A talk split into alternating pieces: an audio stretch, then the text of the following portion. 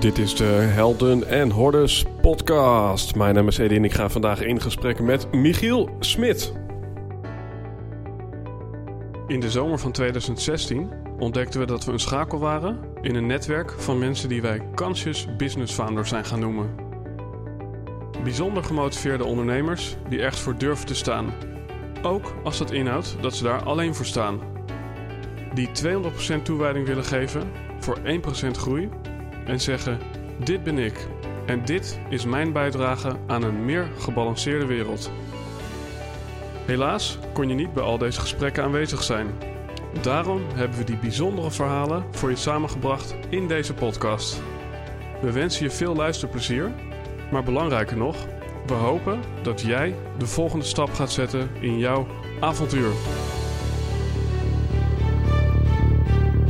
Ladies and gentlemen, een hele vage, vette, bijzondere aflevering dit keer met Michiel Smit. Want Michiel heeft ervaring met het eten van terpentine. En niet alleen dat, maar hij heeft ook ervaring met het doen van een tantra-ritueel met een vrouw van 55 uit Almere in een unisex pak. En dat ritueel heeft hij ook nog uitgevoerd in Budapest. Nou ja, hoe dat allemaal zit, reden genoeg om deze aflevering te beluisteren. Voordat we de aflevering ingingen, hebben Michiel en ik een heerlijk hapje gegeten van Chickpea Falafel uit Haarlem. Chickpea ondersteunt onze podcast door ons altijd te voorzien van heerlijke broodjes. En nee, dit is niet zo'n broodje van na het uitgaan en dan even naar de Getver gegaan zijn en nog eventjes snel ja, een beetje proteïne, vetten en toestanden in je maag uh, dumpen. Nee, dit zijn echt heerlijke broodjes met ingrediënten uit Israël. Een heerlijke salade erbij. Lekker gemberbiertje erbij misschien. En ja, op die manier heeft Misha het recept van zijn vader uit Israël naar Nederland gehaald. Dus er zit een mooi verhaal achter, wat hij misschien ook nog ooit in onze podcast gaat vertellen. Dus loop daar een keer naar binnen als je denkt: hmm, ik heb wel zin in een heerlijk culinair gezond snackje. Alright, nou, misschien wist je dan ook nog niet dat ik naast podcast-host ook propositiecoach ben. Dus ik heb mensen ondersteund zoals 365 dagen succesvol Eelco Smit, Eelco de Boer nu ook Peter Maasdam. Um, ja, Ralf Moorman, uh, ja, Edwin Selei. Ik heb allerlei mensen ondersteund met het, ja, zoals Elke Smit het zegt, het verwoorden, het meesterlijk verwoorden van hun klantbeloften. Want mijn overtuiging is dat in een landschap waar heel veel mensen op papier hetzelfde doen als jij, dat het extra urgent is om te kijken van hoe differentieer ik mijzelf, zonder daarbij ook voorbij te lopen aan jezelf. Dus dat noem ik een positionering. En ja, ik geloof dat het heel belangrijk is om niet alleen heel bewust te zijn van, ja, wat is nou mijn verhaal, maar dat je ook kraakhelder kunt verwoorden wat het verhaal is. En of je dat dan gebruikt in je website, als je dat wil gebruiken in een sales pitch, misschien zelfs als TED Talk of whatever.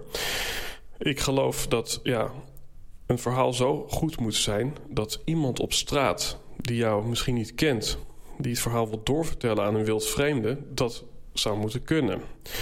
En dan ook nog op zo'n manier dat het inspireert voor die ander om daar iets mee te gaan doen. Nou, waarom vertel ik dit? Omdat ik in de komende vier weken vijf mensen ga bellen die ik ga ondersteunen met hun verhaal. Dus wil je een van die vijf mensen zijn, geheel vrij blijf een keer met mij bellen om te kijken waar staat mijn verhaal nu en hoe goed is dat eigenlijk. Nou, dan wil ik daar graag een keertje met je over babbelen. En dit is geheel vrijblijvend. Het is wel zo, ik heb daar natuurlijk ook een traject voor. Dus wil je met mij verder op basis van de adviezen die ik geef, nou, dan kun je verder ja, of we voelen van hé, hey, dit is niet het juiste moment voor jou. Of je hebt al meer dan voldoende, wat ook vaak voorkwam vorig jaar toen ik dit een keer deed, aan het gesprek zelf. Dus ben je een van die vijf mensen, app mij dan even met het 06-nummer wat in de show notes staat van deze podcast. En dan gaan we nu echt naar Michiel Smit. Want Michiel, als 12-jarige jongen was hij millennial en hij vroeg zich af van ben ik nou de enige die nu al helemaal gameverslaafd is? En na een tienertijd worstelen met virtuele superstimulatie structuren kon hij stoppen en ging hij studeren. Op de universiteit belandde hij per toeval in colleges over de neurobiologie van verslaving. En dit feest van herkenning gaf hem de wetenschappelijke landkaart van een modern probleem waar misschien wel tienduizenden jongeren in verzeild zijn geraakt. Nu is Michiel Smit schrijver, spreker, coach en neuroonderzoeker op het gebied van gameverslaving. En heeft er ook een heel mooi boek over geschreven, dat heet Game Boy. En zijn doel is om te zorgen dat zo min mogelijk jongeren virtueel verdwalen en ze juist te helpen om te, ja, te, te wortelen in plaats van te worstelen en te groeien in de bredere wereld van de toekomst. Ik denk dat het een hele belangrijke aflevering is. Want we hebben niet alleen te maken met gameverslaving, maar hoeveel mensen zijn er niet verslaafd aan social media? Zoals Tibor zei, misschien is de grootste vijand op dit moment in ons leven niet tegenslag, maar de grootste vijand is verleiding. Dus wil jij weten hoe je om moet gaan met verleiding, hoe je om moet gaan met je mobiel, met je verslavingen, dan is deze aflevering oprecht heel interessant. Ladies and gentlemen, Michiel Smit. Hallo. Welkom. Yes, wij kennen elkaar ehm, van een Helden en Hordes live editie met de titel Accepteer wat je niet accepteert. Um, waarin jij een opvallende uh, bijdrage leverde vanuit de zaal. Um, nou, toen hebben wij uh, via de wandelgangen... Nou, dat ging over gameverslaving. Oh, ja. uh, anyhow, toen hebben wij uh, de lijntjes uh, kort gehouden. We zijn elkaar af en toe op een verjaardag tegengekomen. Mm -hmm. Toen uh, ja, rolde eruit, laten wij samen eens een keer een leuke podcast opnemen. Ja, ik twee uur in een keuken staan kletsen, terwijl iedereen virtual reality aan het spelen was om ons heen. Hebben wij het gepresteerd om inderdaad twee uur lang in een keukentje gewoon te lullen over... wij hadden ons eigen werkelijkheid gesimuleerd. Ja, we hadden ook een virtual reality gemaakt, dat ging heel goed. Ja. interessant is... Um, ja, toen hebben we het onder andere gehad over Tantra, waar we misschien zo meteen ook nog wat oh. over gaan delen. toen dachten we, nou, laten we volgende week een toffe podcast met elkaar opnemen. En toen kwam er geen Tantra tussen, maar terpentine. Ja, dat ging mis. Fuck, dat ging helemaal mis. Uh, ja, ik, ik, um, ik had terpentine helaas uh, gegeten. Uh, was, was me ook nog niet eerder gebeurd. Ja, nee, ik, ik heb een um, nieuwe huisgenoot. En dat is echt een fantastisch mens. Echt een uh, gelukkige vee, maar ze is ook schilder. En uh, die had het verlichte idee gekregen om mijn voedselbakjes te gebruiken om haar kwasten schoon te maken. En dus ik had s ochtends, was ik gewoon niet aan het opletten. Ik pakte gewoon een bakje wat op het aanrecht stond, mikkerde mijn eten erin en uh, hup, off I was. En ik, het was toevallig ook zo dat ik net een nieuw zaad, een soort van gek Tunun, nee, ik, kan niet eens meer uitspreken, maar gewoon zo'n heel exotisch zaad waarvan ik ook niet wist hoe het smaken. Dus ik begon te eten een paar uur later. En ik dacht wel van, dit smaakt echt een beetje gek. Echt heel veel zuurder en scherper. En ik heb, van, ik ook zoiets van, ja oké, maar misschien is het wel gewoon, misschien is dat wel het nieuwe zaad. Dus ik bleef maar even een tijdje dooreten tot ik echt mijn maag ook zei van, gast, flikker nu op met wat je doet. Stop, stop, stop. En ja, en toen begon ik echt eens te denken van nee, wacht, dit, dit kan niet. hoeveel is... krijg je dan binnen? Ik kan me voorstellen dat het niet meer is als een theelepel. Nee, klopt. Ik denk vrij weinig. Dus ik heb ook allemaal meteen een uh, spoedpost gebeld van shit, moet ik nu? Want ik, ik wist ook niet, weet je, toen ik eenmaal het bruggetje legde naar oh, wacht dit kan er zijn gebeurd. Want ik, ik snapte natuurlijk wel van, oh wacht, dit is iets heel eigenlijk industrieels dat ik aan het eten ben. Hoe kan dat nou? Oh, mijn huisgenoot is schilder. Dus denk ik van, oh fuck, loodvergiftiging zat ik meteen aan te denken. Dus ik, haar proberen te bellen, neem niet op. Nou, toen allemaal verspoed, spoedpostje bellen, artsen. Maar die zeiden ook wel allemaal van, nou, uh, het zal niet al te veel zijn geweest. How do they? Maar ik denk wel dat ze gelijk hebben. Het was niet, ik had het ook wel gezien. Als er echt veel in had gezeten, dan had ik het wel gezien. En de smaak werd ook steeds sterker natuurlijk. Want in het begin was het maar een klein beetje. Want dat is het bovenste. Maar hoe dichter ik bij de bodem kwam. En ik ben niet helemaal tot de bodem gegaan. Dus ik denk dat ik uiteindelijk verwaarloos... Ik, ho ik hoop dat ik verwaarloosbare hoeveelheden binnen heb gekregen. Ja. Het is niet chill. Je voelt je echt niet lekker daarna. Dus toen hebben we de podcast helaas eventjes uh, over het weekend heen getild. Het, dit zou een mooi bruggetje kunnen zijn naar, uh, naar iets wat op het oog misschien niet zo schuldig is. Mm maar wat uh, achteraf uh, toch veel meer uh, ja, kapot kan maken dan je lief hebt. Ja. En dan mag jij nu kiezen of je anticipeert op het woord lief en naar de tantra gaat. Ja, of dat ik ga naar de schade en naar de oh shit, verslaving. Keuzes. Um, maar die, de tantra komt nu wel heel rauw op je dak, denk ik. Als we, daar, als we hem daar meteen in parkeren. dus we kunnen, we kunnen een hybride doen. Dat we eerst misschien even zeggen van... Uh, nou ja, waar we hier zitten dus oorspronkelijk mm. is vanwege die opmerking over gameverslaving. Uh, en dat, dat is wel een dingetje, omdat Dus op het moment zijn aangekomen nu in deze tijd dat ongeveer 95% van de jongens gamet en ongeveer 70% van de meisjes. Dus op grosso modo 80% van de jongeren.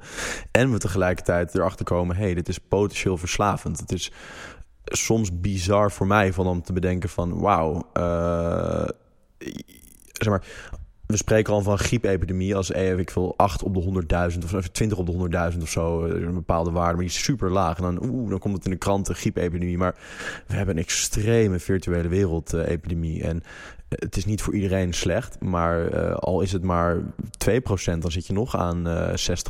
Maar waarschijnlijk is het eerder 10% of zo. Dan zit je zo aan uh, 300.000 kids die echt ja, hun ontwikkelende geest helemaal verdwalen in het virtuele, zeg maar. Mm dat, uh, dus daar kunnen we beginnen. nou, volgens mij zijn we al begonnen. We zijn er al begonnen. Of we kunnen dus ja, terug nog springen naar de, naar de lieve... Nou goed. Daar komen we zo, denk ik.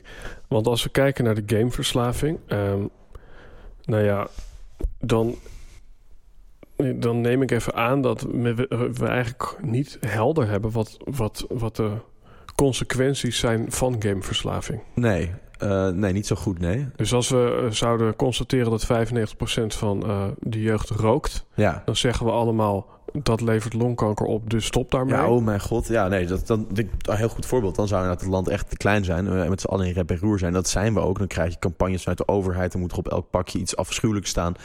En um, kijk, het probleem van games is dat ze doen geen, niet echt fysieke schade. Behalve dat je rug kan een beetje groeien en je ogen worden wat slechter. Uh, maar de grootste schade van games ligt hem veel meer in het psychische. En dat is een onzichtbaar domein. Dus je krijgt als gamer geen kapotte lever, geen kapotte nieren. En je, en je nou ja, zoals je zegt, uh, kanker ligt ook niet per se op de loer. Dus um, en we hebben gewoon veel meer gevoeligheid voor fysieke schade. Dat is meetbaar, het is zichtbaar, het is voorstelbaar. En dingen als het verliezen van je wil in een game, je aandacht die eraan gaat, de, de ja, je, je motivatie en je, je, je, je prikkelritme waar je aan gewend bent. En dat zijn allemaal dingen die je niet per se kan zien. Maar als je erover nadenkt, zijn het dingen die wel heel bepalend zijn voor wat voor leven jij voor jezelf gaat creëren. Mm -hmm. dus in die zin is het voor mij een heel belangrijk onderwerp, omdat ik het dus zelf heb meegemaakt. Uh, dat is, ik was mijn hele tienertijd echt gone. Gewoon uh, ja, 12 tot 19 heb ik echt 40 uur per week makkelijk weggegamed. En de gevolgen daarvan waren eigenlijk heel extreem. Uh, zeg maar, weggroeien van vrienden, verliefd raken, maar altijd afgewezen natuurlijk worden. Ze, het hele liefdespel helemaal weg. Allemaal talenten die je niet ontwikkelt. band met je ouders die eraan gaat. Je school die je echt aan het verneuken bent. en dat is super zonde, want je hebt eigenlijk maar één tienertijd die je, waar je heel erg veel groeit. Mm -hmm. Maar je groeit veel minder en je, en je groeit heel scheef als je vastzit in een virtuele wereld. En ja, ik, zie, ik, ik, toen ik eruit kwam, dat is nu tien jaar terug, dat was wel een tijdje terug, maar toen was dit echt nog totaal, niemand snapte dit nog echt goed. Dus ik kwam eruit en ik keek om me heen en ik dacht van, holy shit, het is helemaal niet een, uh, een heel speciaal verhaal van mij. Dit is vet universeel, weet je. Je, je broertje, je neefje, je dit, je dat, eh, incidenteel ook een meisje. Maar... Ja, want ik wou inderdaad zeggen van als je heel erg scheef groeit, dan ontstaat er misschien ook een stuk uh, bijdrage aan de society. Want jij bent als het ware specialist geworden op iets ja. en kan de wereld ja, uh, op een specialistische wijze iets uitleggen. Ja. Want wijsheid, zoals mijn oom zegt, is vaak het product van eenzaamheid. En dat komt ook vaak kijken bij gaming. Ja, heel veel isolatie in um, maar nu zeg je dus, heel veel mensen zitten eigenlijk in die verslaving. Ja. Dus je komt ook nog eens een keer niet de wereld in met... jongens, ik weet iets wat jullie niet weten. Of zie ik dat verkeerd? Nee, dat zie je op zich heel goed. En uh, kijk, je moet het wel, je moet wel slechte dingen meemaken inderdaad om lessen te krijgen. Maar zolang je in die verslaving zit, uh, ben je blijkbaar niet de les aan het leren. En je kan de les van, oh, ik ben nu verslaafd, kun je ook na een paar maanden hebben van, boom, mijn gamegedrag loopt nu een beetje uit de hand. Mm -hmm. Dat voelde ik ook wel toen ik 12 was. Stomme is, ik was het nog steeds aan het doen toen ik 19 was. En op dat moment kon ik pas stoppen. Toen was ik al zo in die verslaving gegroeid dat ik letterlijk een beetje morbide, maar ik moest me echt beseffen dat ik eigenlijk ja, liever begon te denken, nou laat ik dus sterker maar uit mezelf trekken of trek hem uit de laptops. Maar het was echt dat niveau van gedachten dat ik echt begon te ja, hebben over mezelf van Jezus, als ik ja, weet je, als je zoveel weggamet en je, het is een hele eigenlijk een hele platte eendimensionale omgeving. Ik wil die games en tegenwoordig natuurlijk nog weer meer, maar ze lijken heel rijk en er gebeurt van alles. Maar er zit zoveel niet in. Er zit, nou, er zit geen oogcontact in. Ook weer een leuke brug naar Tantra trouwens. Um, er zitten geen, niet er zit maar een heel beperkt scala aan emoties in. En dat mhm. zijn vooral de beetje meer competitieve emoties en winnen of wel verliezen. Of, um, er zitten, obviously zitten er heel veel zintuigen niet in. Weet je, je, neus, je mond, je, je, je smaak en je mhm. gevoel zit er allemaal weer veel minder in. Um, er zitten, ja, er ontbreekt zo bizar veel in, in. Er zit überhaupt geen de rest van de wereld in. Er zit heel weinig toevalligheid mhm. in van wat je niet had verwacht. Ja, een beetje. Kijk, Fortnite probeert natuurlijk wel steeds iets nieuws te doen. Maar dus je bent zo verarmd als je daar lang in zit dat je ook. Ik besefte me gewoon van holy shit, ik, ik heb het echte leven echt verspeeld, letterlijk verspeeld. ja, ja ik, ik, zag mezelf echt gewoon de sterker uit mezelf trekken als ik, dat, als ik er niet uit zou breken. Want als je er niet uitbreekt, dan ja. Dan... ja gameverslaving is geen spelletje. het is geen spelletje, nee. En gelukkig gebeurt het de meeste kinderen niet. Weet je, het is maar mhm. een, minderheid. Maar het is echt een groot probleem dat we niet precies weten hoeveel. Weet je, uh, de, de, lage schattingen zijn 4 procent. Uh, er was ook een onderzoekster uit Utrecht die zei nou misschien wel 15 procent. Uh, het feit is wel dat zo'n 15 tot 20 procent meer dan een uur speelt per dag. Nou, dat is erg veel. Hoe, hoe zou jij anders geworden zijn als, je, als jij zeven jaar, bij wijze van spreken, ja uh, naar basketbal was gegaan, naar gitaarles en naar de meiden, meiden had gekeken? Nou ja, het grappig, ja, ik deed op zich, uh, grappig genoeg, met, deed ik een beetje basketbal, en, uh, maar ook wel voetbal en, en, en gitaar. En probeerde ik het ook te spelen. Ehm, en wat er gebeurt is dat ik, als je daar goed in wordt, dan bouw je een fort voor jezelf in de wereld. En dan kun je. Fortnite. Een Fortnite.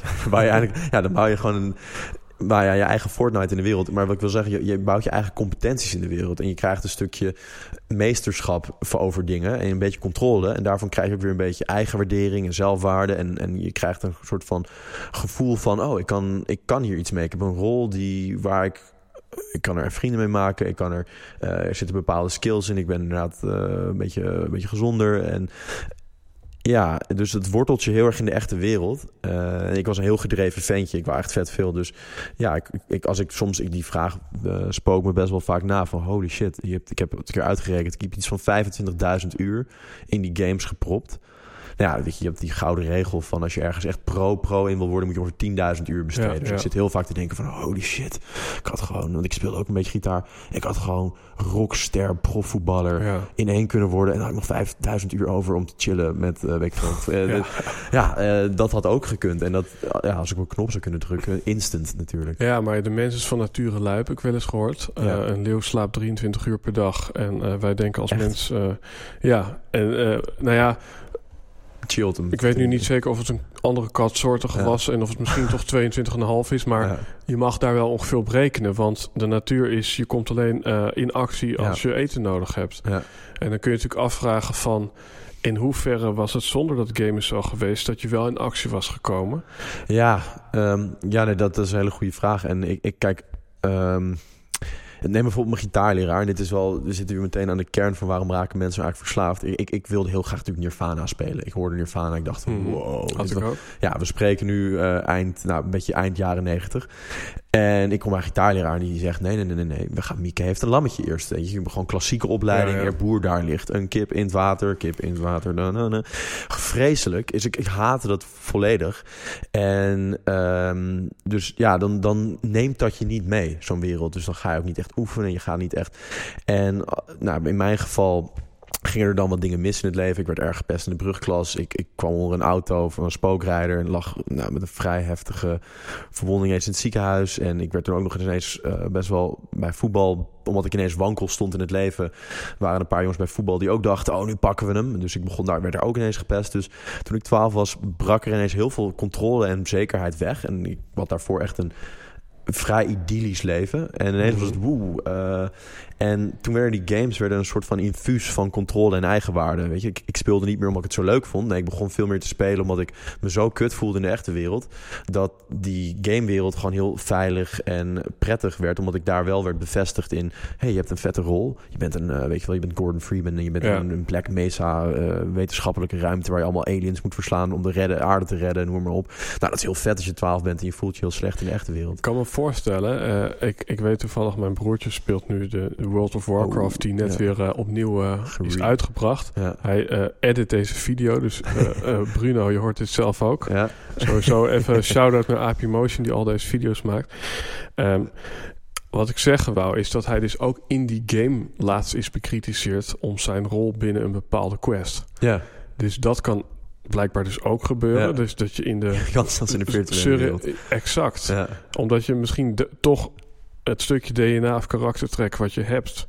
eh, ja, dat kan zich ook op een vierkante Ja. centimeter tot uiting brengen. Ja. Heb jij dat wel eens ervaren? Dat je ook in die gamewereld je, eh, je zelfvertrouwen een beetje undermined voelde worden? In-depth. mus- Ja, oh, ja, nee, ja nou, in de gamewereld zelf niet zo. Eh, grappig.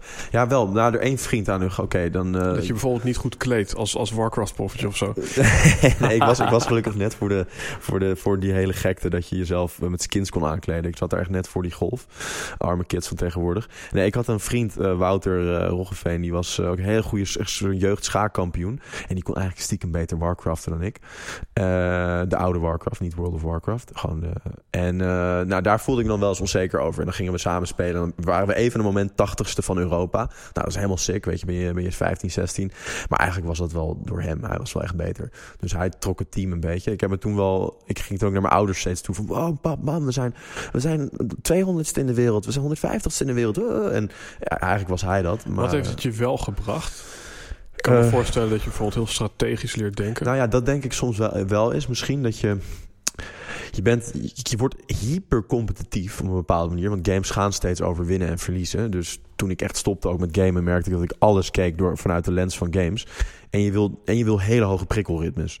Ehm, maar er is een soort van waarheid dat het leven vrijwel veel competitie is. Weet je, we zitten hier, we zijn een soort van. Nou ja, we zijn, een, we zijn de mens eh, gekomen uit een lang evolutionair proces waarvan we zeggen: ja, competitie is daar de vormende, soort van even de vormende krachten.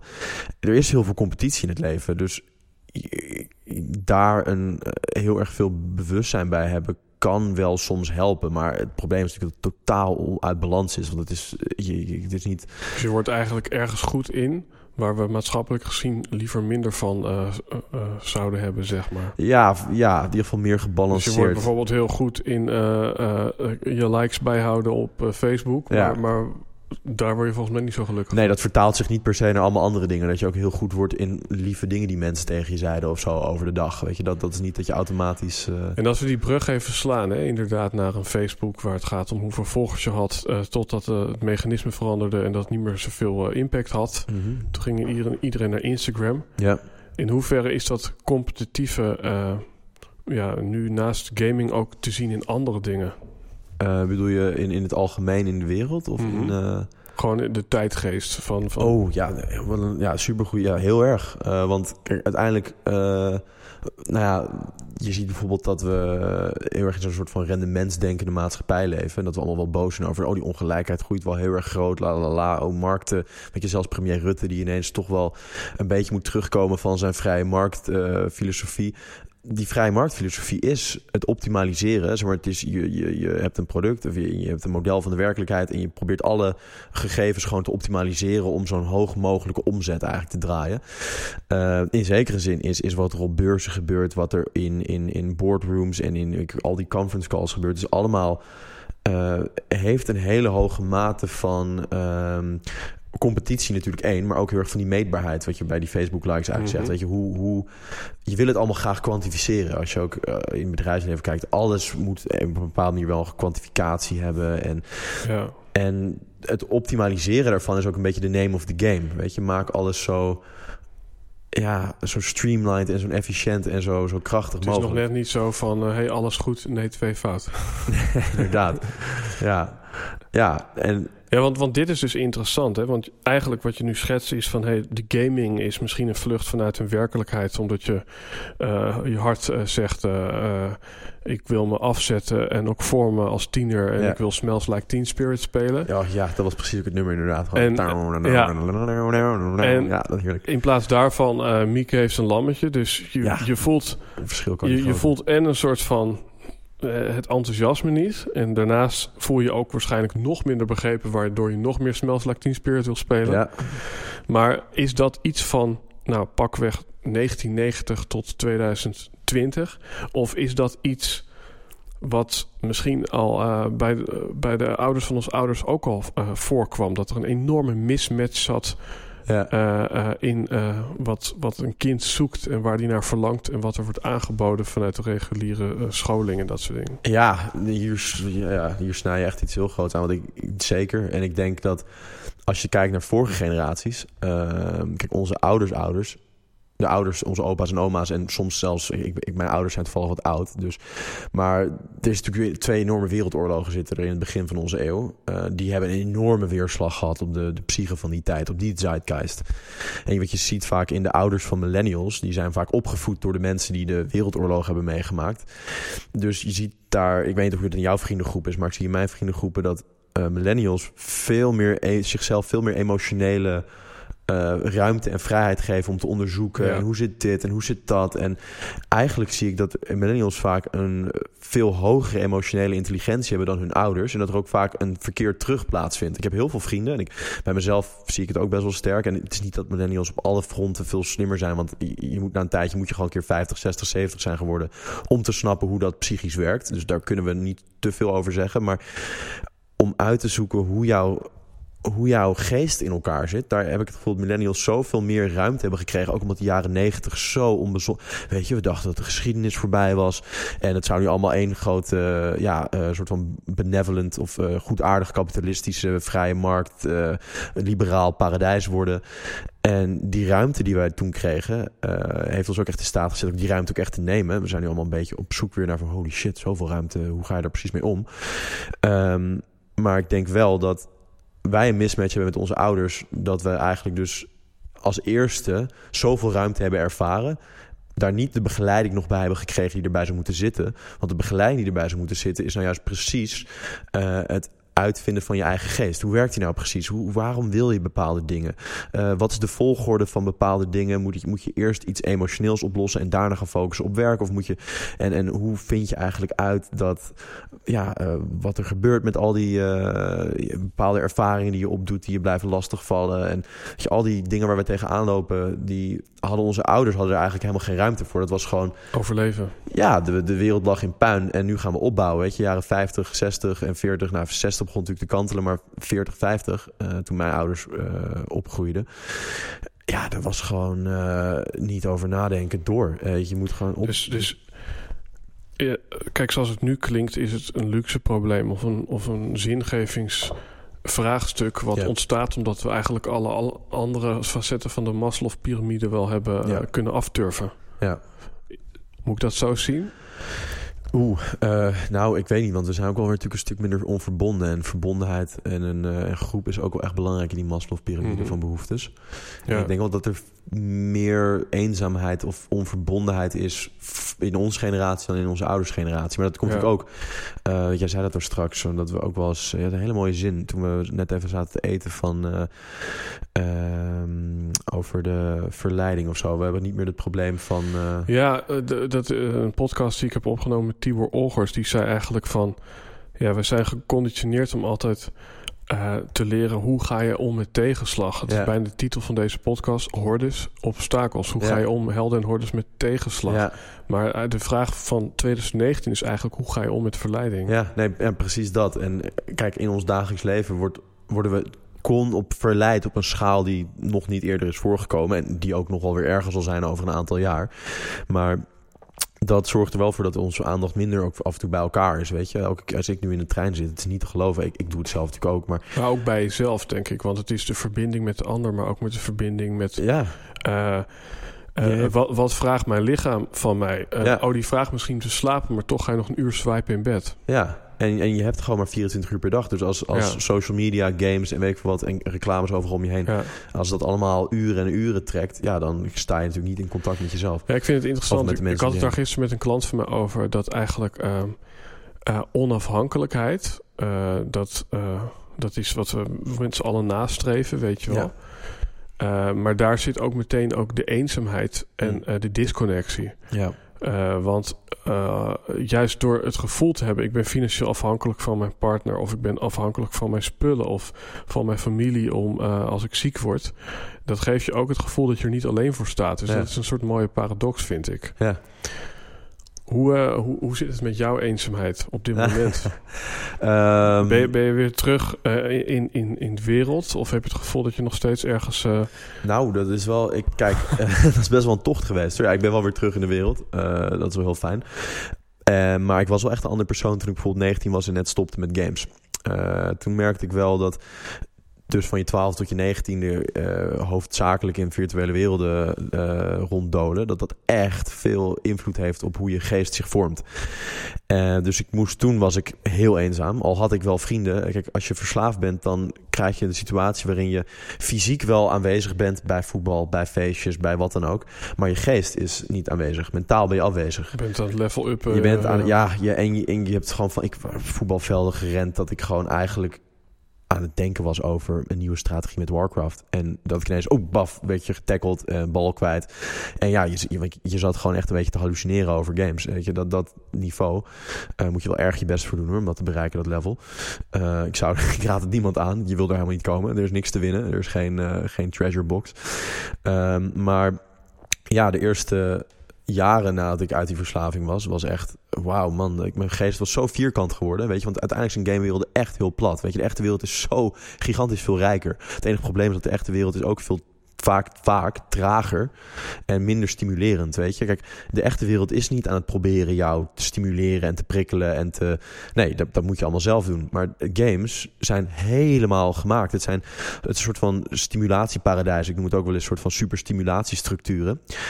Uh, want ze zijn echt ontwikkeld. En dan vooral de commerciële games. Niet alle games zijn hetzelfde. Maar als je kijkt naar de meest succesvolle games... die niet voor niks het meest succesvol zijn... want die zijn het meest geschikt om mensen te prikkelen... en te binden en hun aandacht te grijpen... en vast te houden en ze aan te zetten tot uh, in-game aankopen en zo.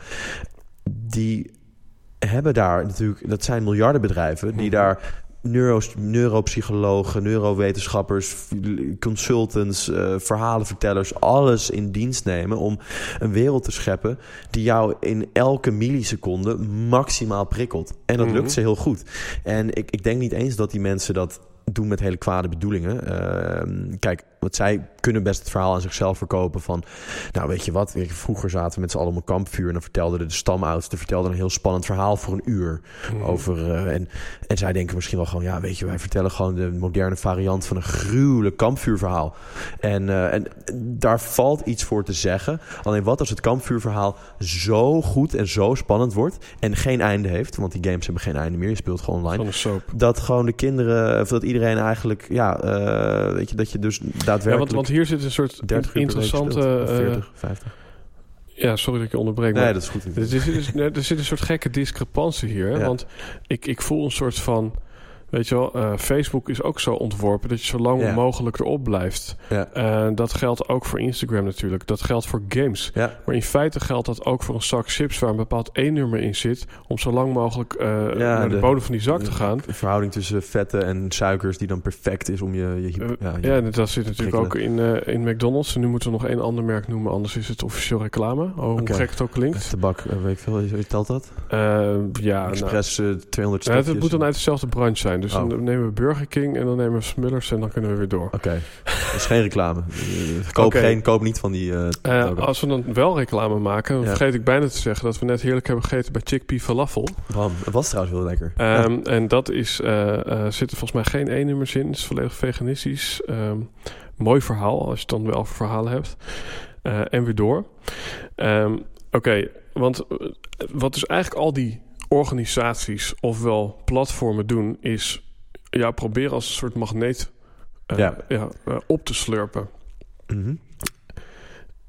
Ik wil best schieten al meteen. Nou, het ja. ja, goed. Kijk, weet je, je wordt verslaafd aan uh, dat ene voedselproduct, of je wordt verslaafd aan die ene game, of je wordt verslaafd aan dat ene social media platform, ja. of die ene Netflix-serie, want die hebben we natuurlijk ook nog. Maar, maar toch zeg jij je mist juist verbinding en connectie. Terwijl Ja. je kan ook zeggen, ja, je behoort ineens tot een tribe. Ja, eh, er zit veel in wat je zegt. Ik, ik wil eh, ten eerste dus... ehm, kijk, ja, ze zijn er heel succesvol in. Maar één, je kan, je kan niet 10 kilo chips eten of zo op een dag. Dat, dat gaat fysiek gewoon niet. Uh, al is er vast een of andere idioot ergens die dat is gelukt. En ik wil niet weten hoe dat eruit zag.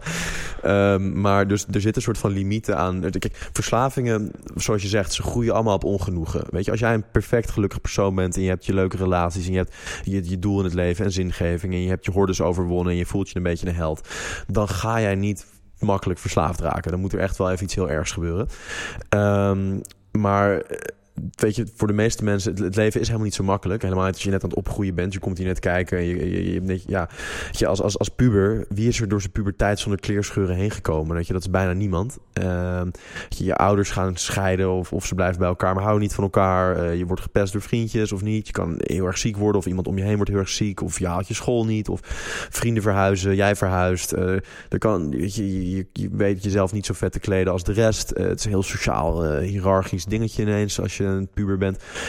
Er kan, je krijgt zoveel knauwen en tikken. En je kan gewoon even de balans verliezen. En dan zijn verslavende middelen. Uh, zijn op zo'n moment zijn extra risico. Want de verslaving, een van de dingen wat gebruik transformeert naar misbruik, is als je het gebruik niet meer doet omdat je het lekker vindt, maar omdat je pijn wil wegnemen. En um, dat is ook voor games vaak zo. Uh, je, je, je, kan, het begin van een verslaving is wel dat je het echt nog leuk vindt en dat je gewoon erg hoek bent. Ja. Maar na een tijdje zou je Het is eigenlijk het verschil tussen uh, ergens naartoe willen en ergens weg willen. Ja, ja dat zou, zo zou je het ook heel mooi kunnen zeggen. Ja. In het begin wil ik, ik heb, ik heb van mijn vijfde tot mijn twaalfde heerlijk gegamed. Helemaal ja, leuk. Ja. En ik hoop ook dat ik, ik bedoel, mijn doel is ook uh, met mijn soort van initiatieven om kinderen, ouders, leraren, gewoon de maatschappij te helpen om kinderen naar die sweet spot te brengen waar games echt bijdragen aan hun leven. Mm -hmm. Maar dat is helemaal niet vanzelfsprekend. En dat komt omdat er mm, gigantische bedrijven achter zitten die, nou, de game-industrie nu is drie keer zo groot als Hollywood, ruim drie keer zo groot. Ja. Weet je, dus soms als je terugkijkt van wow, wat was nou echt een belangrijke culturele invloed van de 20e eeuw? Ja, Hollywood is, staat vrij high on the list. Uh, de game-industrie is Hollywood al, al een decennia ver voorbij en ze zijn dus nu drie maal voorbij en ze groeien exponentieel. Dus uh, als we over deze, op deze tijd gaan terugblikken, of er nu gewoon naar blikken, kun je ook al doen, maar helemaal straks, dan gaan we echt denken van holy shit, we zaten toen in een, in een golf van vernieuwing en van entertainmentvernieuwing ook. Dat zijn games in de En dan ga je ervan uit dat we eruit komen in plaats van een soort van. Nee, we komen hier niet uit. We zitten straks met z'n allen. Ik bedoel, het wordt nu ook nog virtual reality natuurlijk. En ja. het wordt een steeds groter deel van ons leven. Maar dat is ook de reden waarom het zo belangrijk is dat we nu ons er wel zo bewust mogelijk van worden en de juiste keuzes maken en kinderen en jongeren goed begeleiden ja. als het aankomt op virtuele werelden. Want als we dat, als we dat nalaten te doen, dan zitten we over. Uh, nou, we zitten elk jaar dat we het nalaten doen met nog krachtigere virtuele werelden. En die nog meer kinderen eigenlijk en geesten van kinderen en ook volwassenen, maar, maar het zijn toch maar, vaak jongeren. Ja, dat is misschien een beetje een soort van uh, doem. Uh, ja, dit is even de doem. Doemschets, maar worden wij opgeslokt door het technologische monster? Veel, veel, steeds meer mensen wel. Ja, en dat is echt een probleem. Ja. En, um... en, en is het zeg maar met een hele hoge mate van bewustzijn uh, uh, uh, haalbaar om het tijd te keren? Nou, je hoeft niet eens een hele hoge mate van bewustzijn te hebben. Laten we bijvoorbeeld terug gaan naar die gitaarleraar. Uh, wat voor mij echt alles had uitgemaakt al was als iemand had ingezien... hé, hey, wacht, deze gitaarleraar en deze jongen klikken niet zo lekker. Weet je wat? Oh, hij wil Nirvana. Oh, we zoeken even. Oh, oh die uh, kan wel. Uh, en weet je, als jij een kind laat aansluiten bij de werkelijkheid... en je geeft hem een, een, een plek waardoor die lol beleeft en een soort van vooruitgang en groei en, en zichzelf beter voelt worden in de werkelijkheid, dan is de kans dat zo'n kind verslaafd raakt is veel kleiner. Weet je? Dus dat is ook eigenlijk een soort van beetje het kernadvies wat ik bijna iedereen meegeef. Ik bedoel, je kan een miljard adviezen geven hier rondomheen, maar de kern is vaak wel zorg dat iemand geworteld raakt in de werkelijkheid. En dat kan in relaties, in hobby's, in sport, in, in, in, in ja, noem maar op, whatever rocks your boat. Uh, maar als dat gebeurt, dan is de kans dat jij verslaafd raakt, wordt kleiner en kleiner en kleiner. Het Ja. kan, kan natuurlijk nog steeds. En ja, maar dat is helemaal niet vanzelfsprekend dat je, dat je echt goed begeleid wordt in het leven. Want um, weet je, ja, welke ouder is perfect en welke leraar? Dat, is, dat kun je dus ook niet kwalijk nemen. En dan komen we weer bij, weet je, onze ouders hadden zelf ook niet ouders die hun perfect het leven inleiden. Want misschien moest er wel gewoon monddicht opbouwen, een beetje korter de bocht. Ja. ja, want op een gegeven moment dan komt er een soort van mythische strijd, net zoals in Lord of the Rings, tussen de enten, de bomen en de orks, ja, de, de industriële onderwereld. Van ja. ja. het soort van natuurlijke, het realistische, ja, moet zich uh, vermannen om ja, de industrie de baas te blijven. Ja. Maar wat jij eigenlijk schetst is. Uh, uh, dingen zijn pas fout of goed door wat je ermee doet. Ja. En laat die gamification juist uh, dienend zijn om bijvoorbeeld het onderwijs te verbeteren. ja, goed, heel goed voorbeeld, ja. Want ik vind, uh, um, ja, dan hebben we het over onderwijs. Op dit moment is, er, is, een, is er ook een demonstratie geweest. Ja, um, ja wat, wat is de reden dat zo'n industrie, die dus snappen van hoe ze mensen met inspanning en beloning moeten verleiden... Ja maar wat is de reden dat eigenlijk een enorm grote markt, namelijk de onderwijsmarkt, ja. dat die niet wordt uh, uh, gebackt met games? Exact. Zijn ze langzaam wel mee bezig hoor. Ook omdat het natuurlijk een heel erg eh, goede oplossing is voor het schijnende lerarentekort. Weet je, geef dan maar les middels pre-made ja, modules, virtueel. Kan heel goed werken. kan natuurlijk ook gevaarlijk. Er zijn verschillende manieren om dat te doen. Um, ik denk, je, je vraag waarom het niet wordt gebackt in het onderwijs met gamification. Dat, dat gebeurt dus wel mondjesmaat. Maar kijk, uh, dan komen we toch weer bij het begin van dat er uiteindelijk een enorme markt zit die duwt dat het game moet gebeuren. En dat, dat is weer dan zeker bij het competitieve element.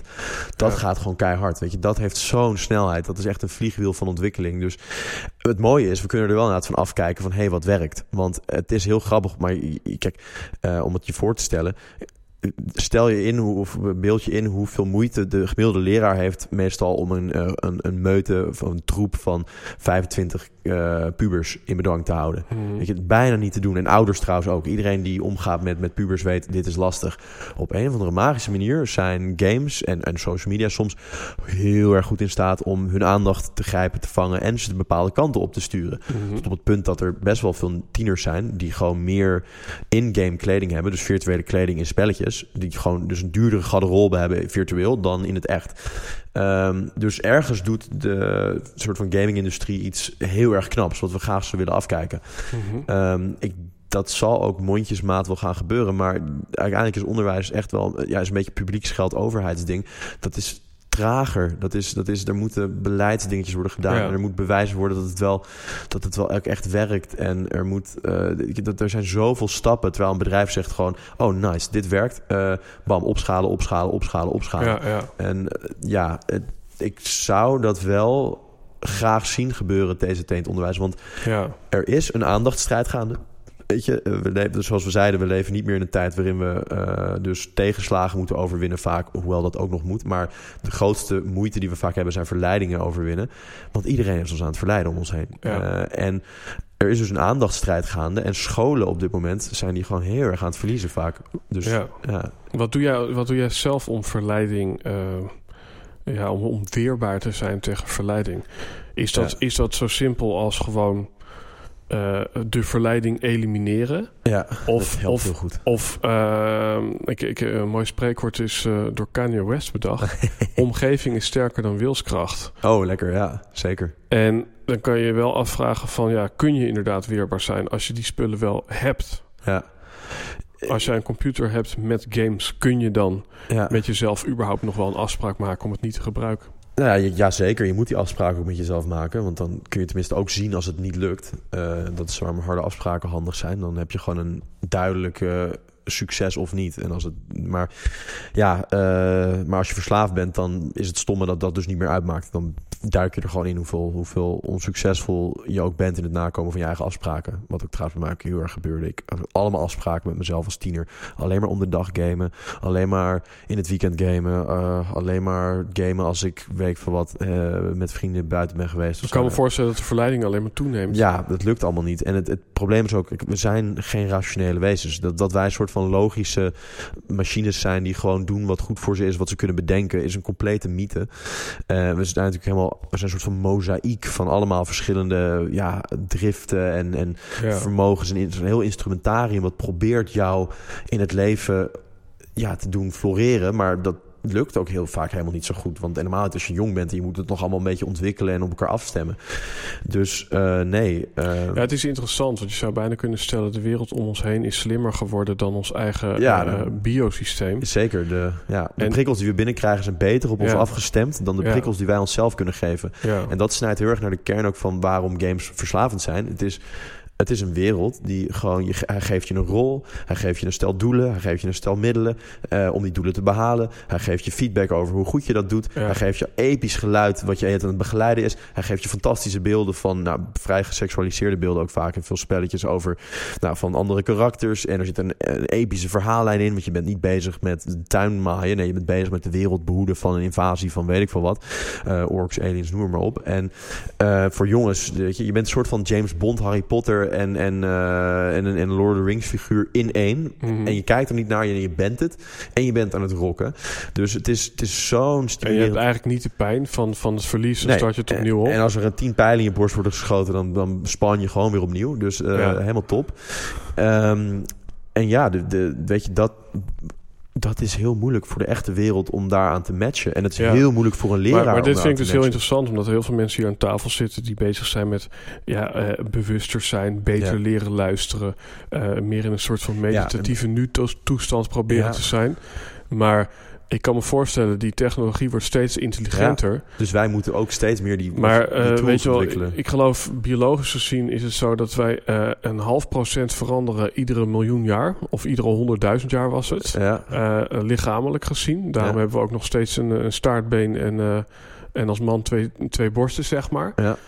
ja, dus dat kunnen wij niet bijbenen. Dus in die zin, ja, dan kan je ook een beetje nihilistisch worden. Van ik, ik, ben, ik, ben, ik ben eigenlijk gewoon niet weerbaar tegen, tegen de wereld om mij heen. Ja. Uh, dus de enige manier om, om er nog aan te ontsnappen is gewoon echt door een soort van eigen tuin te gaan wonen. Je, kan deze heel filosofisch. Als ik oké, hier is wel echt een antwoord op te geven. Het mooie is, is dat er naast die biologische evolutie die je aanhaalt, zijn we als mens zijn we ook een, een informatie-evolutie begonnen. Je kan dat met Matics, weet je. De, in plaats van een gene hebben we ook nu memes. En memes zijn pakketjes van informatie, weet je. De, de eerste noten van het Wilhelmus of zo. Of als ik, als ik zeg Wilhelmen, dan weet je hoe het verder gaat. Waarom? Je, hebt het, je hebt het volkslied meme van het Nederlandse volkslied, heb je ook in je. En um, het mooie van mens zijn is, is dat je dus een geest hebt die doordat hij kan imiteren en kan nadoen van anderen, uh, ineens eigenlijk een een mentale evolutie begint te hebben. Dus misschien verander jij niet weer zo heel erg veel biologisch, maar hoe jouw geest kan evolueren is, is bizar. En dat is ook echt wel een heel interessant iets. Dat we lichamelijk lijken we ook allemaal best wel op elkaar. Ja, want dat is, dit is eh, inderdaad een soort tegenargument. Dat bijvoorbeeld uh, er onderzoek is gedaan naar dat je vroeger op de computer had je zeg maar Facebook advertenties aan de rechterkant. Ja. Maar mensen die hebben dan een advertentieblindheid ontwikkeld met die geest. Ja. Dus die, die rechterkolom die wordt gewoon helemaal geëlimineerd door het brein. Ja, ja, die zie je niet. Dat meten ze dan met van die eye-tracking devices. En dan zien ze van, oh, mensen kijken niet meer rechts. Hoe moeten ze nu links doen? En dan... Ja, dus, dus, dus mensen worden steeds uh, intelligenter ook voor, voor allerlei marketing. Het is een competitie soort van tussen de, ja, de marketingtrucs en het ontwikkelen van onze geest. Ja. Dat zie je ook met van die grappige van die YouTube-reclames. Die worden ook steeds slimmer. Dat ze dus steeds persoonlijker worden met van bijvoorbeeld dat je nu dat ik wil ik een film op YouTube zien dan zit er eens een oude vent in me tegen me te praten van I know you're gonna skip this movie, but trust me, son, you want to watch this movie. En dat, dat ik denk van ze, ze bouwen het ook steeds uit. Weet je, waar eerst was van uh, muziekje en een gek filmpje, dat, dat kennen we nu allemaal wel, laat maar. En nu gaan ze steeds meer expliciet zeggen van, nou, die ene dude op die jetski van hem, van ja, ik weet wel dat ik je aan het stalken ben met marketingfilmpjes, maar ik gooi niet voor niks zoveel geld met marketing, want ik heb je echt iets te vertellen. En dan, ik denk steeds van, eh, het werkt echt een beetje, omdat, je, omdat je wel echt wordt aangesproken. En ik moet dan weer opnieuw die verdediging opbouwen. Ja. Uh, maar ja, ik, ik, ja, goed. Dus dat is grappig dat er tegen elkaar wordt opgeboden. Wat ook weer een ja, stukje. Ja, dus, dit is misschien een soort zijspoor, maar ik zit hier ook vaak met mensen aan tafel rondom klimaatissues. Ja. En ik denk wel dat een uh, digitale kledingkast een stuk beter is voor de wereld dan. Uh, ja, dat is wel weer waar. Ja, ja, nee, ja, dus ik kan me ook voorstellen dat als jij leert consumeren in de vorm van informatieconsumptie. Uh, Uh, dan is dat in die zin misschien wel weer een antwoord op bijvoorbeeld het vliegprobleem. Want je kan gewoon met een simulator kan je op vakantie en zo. Zeker. Ik, ik, zie ook super veel positieve dingen inderdaad van games. Dat is echt niet het probleem. En het zou eigenlijk best mooi zijn als we meer... Als je een virtuele klerenkast hoeft hebt... waardoor je niet, uh, weet ik veel, 100 kilo aan katoen en allemaal elk jaar moet uh, ver, ver, verbruiken. Of dat zou heel, veel, heel veel net positives. Maar kijk, dat is het punt van een verslaving. Dat je dus, je moet wel in de gaten houden uh, op wat voor manier jij je verbindt met zo'n virtuele wereld. Want nou, als we het hebben over dus dat onze geesten kunnen enorm, dus wel enorm verschillen. Biologisch lijken we erg op elkaar. Weet je, wij zijn allebei man, we zien ongeveer vagelijk hetzelfde uit. En weet je, het is niet zoveel verschil. Maar stel je zou een, een beeld maken van jouw geest en van mijn geest. Nou, nou lijken we wat dat betreft ook nog redelijk op elkaar. Ik bedoel, als je iemand neemt, weet je, een Eskimo neemt, dan heeft hij echt een totaal andere geest. Of weet je, een of andere. Maar, maar toch, zelfs als we onze geesten een beeld zouden geven van, nou, dit is hoe je geest eruit ziet, dan zouden we veel meer verschillen daarin zien. Ja. Dat zouden we. Dan, Mooi, ja. En dat, dat is een heel. En daarin kunnen we dus ook veel. Er zit veel meer speling in onze geest. Weet je, je ga een nieuw iets beginnen. En er groeit. Weet je, als je een nieuw instrument oppakt, er groeit een heel nieuw orgaan in jouw geestelijke lichaam. Als je een nieuwe relatie hebt met iemand en die jou dingen leert waar je dieper mee gaat, woef, ineens. En, en dat is wel die rijkdom van de geest, is ook waar ik erg voor wil, die, die wil ik eigenlijk gewoon maximaliseren. Uh, ja. Een beetje competitief in me. Want als jij verslaafd raakt aan een game, dan krijg je zo'n verarming. Want uiteindelijk zijn die games, je bent de hele tijd mensen door hun kop aan het schieten en legertjes aan het rondsturen. En, en strategietjes met flitssnelheid aan het uitvoeren die eigenlijk vrij plat zijn. En er zitten weinig emoties in en geen oogcontact. En er zit, er zit van alles wel in, maar nog veel, veel meer niet. En dus je geest kan zo extreem rijk zijn van ons. Maar als je excessief gaat gamen, of excessief gaat social media of chips eten. Maar ik, ik, ik heb zelf nou eenmaal de gameverslaving meegemaakt en daar zijn we ons gewoon nog te weinig van bewust. Dan is die potentie van jouw geest, die eigenlijk het meest waardevolle is wat je hebt. Ik bedoel, ik geloof niet dat er iemand is die het er niet mee eens is dat het meest waardevol is. Is het al, alles wat je kan zijn met je geest. Alles wat je mhm. kan ervaren, wat je kan leren. Wat je, nou, dat, dat, dat ik moet denken aan, gaat down the drain. Aan, de, aan Jorik van Noorden, die ook in de podcast was. Misschien ken je hem, uh, singer-songwriter. Ja, ook een vriend van Teersa, is ook een bekende van ons. Forest of the Mind is een, uh, is een liedje van hem wat uh, het aardig goed heeft gedaan. Ja. Um, een soort van het brede scala. En ik vind het mooi om inderdaad van nu letterlijk even af te zakken in deze podcast. Want we hebben het nu over de mind. En dat associeer ik dan even met het brein. Wat natuurlijk net voor iets anders is. Maar, maar goed, mhm. even afzakken naar het hart. Ja. En dan hebben we het over het leven na een gameverslaving. En misschien het leven voor iedere luisteraar die een vorm van verslaving heeft, het leven na een verslaving. En dan hebben we het nu toch even over de tantra, het lichaamswerk, eh, eh, maar ook het hart. Uh, want je zegt van ja, het, het, onze, ons mind is zo breed en is, is zo authentiek en ja dan, dan wil ik even met jou afzakken van, van als we het hebben over het hart en het lichaam. Hmm. Want hoe, hoe ben jij de connectie met jezelf uh, gaan, gaan uitdiepen? Ja, ja ik, uh, nou goed, ik, ik, ik, was dus toen ik mijn geest zo hard had verarmd in games, um, knalde ik daaruit. Kwam op de universiteit, had heel veel mazzel daar dat ik ja, daar een beetje mijn mensen vond. En, um, en allemaal colleges neurobiologie in, in kwam, waar ik ineens verslaving vanuit de wetenschap te zien kreeg en dacht: holy shit, dat is er dus gebeurd. Uh, maar toen haalden we ons papiertje na drie jaar. Uh, hoe, hoe dat is gelukt, ik, soms, ik snap het echt niet. Ik was naar, het was een heftige periode. Drie jaar na die helemaal opnieuw afstellen op de werkelijkheid. Um, en toen was er een meisje die zei: Kom, we gaan naar Boom Festival. Uh, als om het te vieren van de zomer. Zo waren we nou, 22 uh, met een stel mensen naar zo'n uh, psychedelisch trance festival in Portugal. Boom. ga. Mocht je ooit de kans hebben, ga erheen. Het is echt, het is echt fantastisch. Um, maar dat is dus een soort van mooi meer in Portugal. Daar wordt het elke zomer is er een week lang zo'n festival. En ja, dat is een beetje een soort van dorp van 40 tot 50.000 mensen die gewoon een week lang met z'n allen een ook compleet alternatieve wereld creëren. Maar wel een beetje om psychedelische transmuziek. Ik was er niet zo'n fan van in het begin. Op, op locatie kan ik het nu echt heel erg waarderen. Uh, maar er zijn ook heel veel andere dingen. Er zijn musea en, en uh, natuurparkjes en allemaal workshops. En uh, er is echt van alles te doen. En zo was er ook dus een, um, een tantra-workshops waren er ook. En dat vonden we wel heel interessant. Maar daar waren we natuurlijk heen, want oh, tantra, dat is toch wel, wel spannend. En nou ja, voor mij ook omdat... Kijk, Wat is tantra voor de luisteraar? Ja, het is, het is een soort van... Je zou het een soort van duo-meditatie kunnen noemen. Een soort van... Of je, kan het op heel veel manieren conceptualiseren. Maar het is bijna het gebruiken van... Het gebruiken van ook onder andere seksuele energie... maar ook gewoon echt het ja, uh, voor het vergroten van je, je van spirituele groei bijna. Um, dus het die je, je, liefde is, hoe sterk is liefde als kracht in je leven? Zeg maar de keren dat je verliefd raakt van wow, wat gebeurt er ineens met je? Ja, heel veel.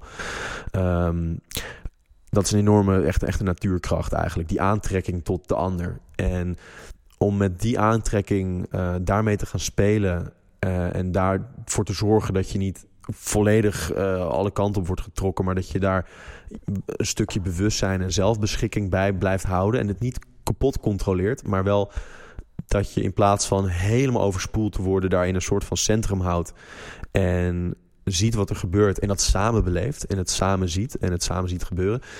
Dat is in principe een, een heel krachtig, uh, krachtig iets om te doen. Weet je, je kan mediteren en proberen je geest te vergroten. Dat, dat is fantastisch. Dat doe ik erg graag en dat doe ik ook erg. En het is ook heel complementair. Of het helpt ook heel erg bij dit soort dingen. Maar om met een andere persoon te zitten en van en misschien ook wel een andere persoon van wie je zou houden en en niet weet je wel ik, weet je, iets plats te doen Netflix en seks of zo maar elkaar gewoon een keertje een half uur in de ogen aankijken en samen een beetje te ademen en te zien wat er dan gebeurt het is heel awkward ook maar je komt dan echt in ook een hele andere realiteit en ja, uh, waarom ik, ik daartoe aangetrokken was, is ook wel omdat, nou kijk, een verslaving, en gameverslaving in mijn geval, is, is eigenlijk een soort, wat je dan meemaakt, is echt spirituele en geestelijke onvrijheid. Je bent echt niet meer vrij. En dat, dat is een heel eng iets om mee te maken als, als 12-jarige eigenlijk al. Dat je ineens merkt, wauw, ik, ik, mijn geest is niet meer de mijne. Of mijn wil, mijn wil is verziekt. Ik, ik wil de dingen waarvan ik ergens weet dat het niet goed voor me is. Toch doe ik het de hele tijd en lieg ik tegen mijn ouders en mijn vriendjes en noem maar, maar op. Om maar zoveel mogelijk dat te doen.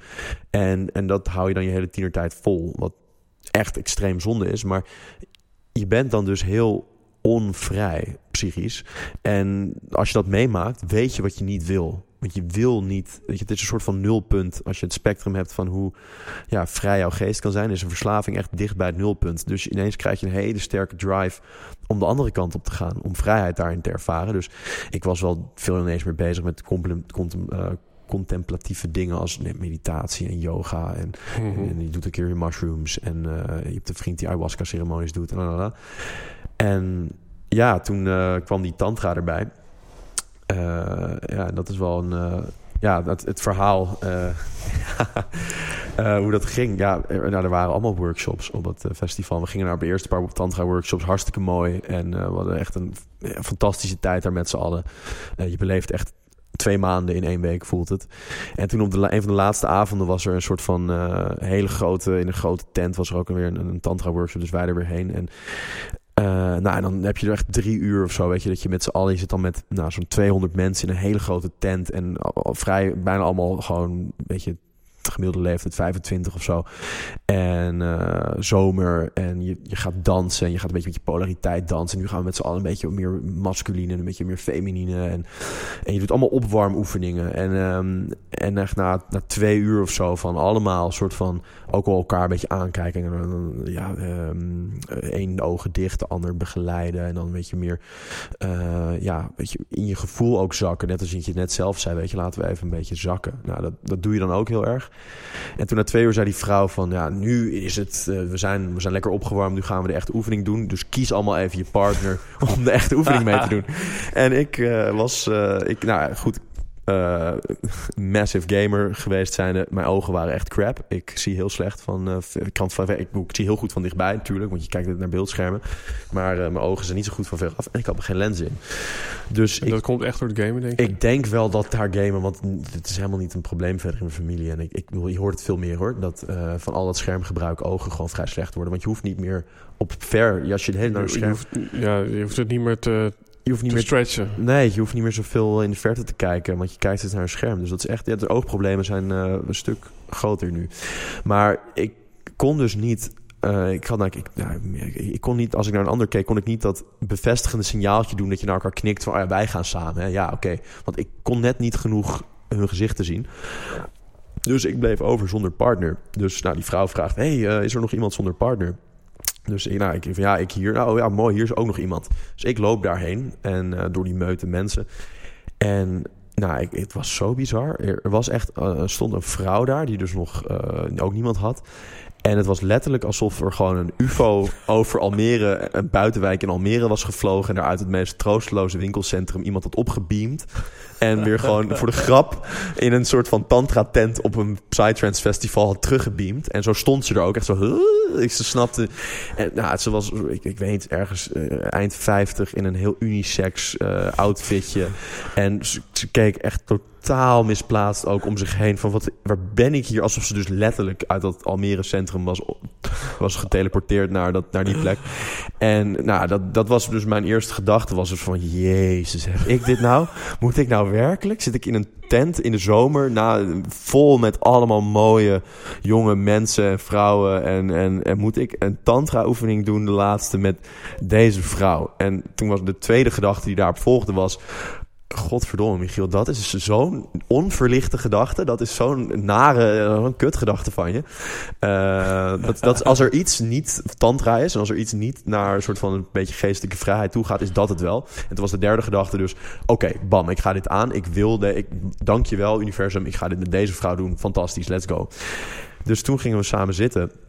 En dan uh, moesten we dus die nou, drie kwartier lange oefening met elkaar doen. Waarbij elkaar eigenlijk, feitelijk komt het erop neer dat je elkaar gewoon aankijkt en samen ademhaalt. En er zitten wat extra dingen omheen, wat nuances. En, maar nou goed, dat daar gelaten.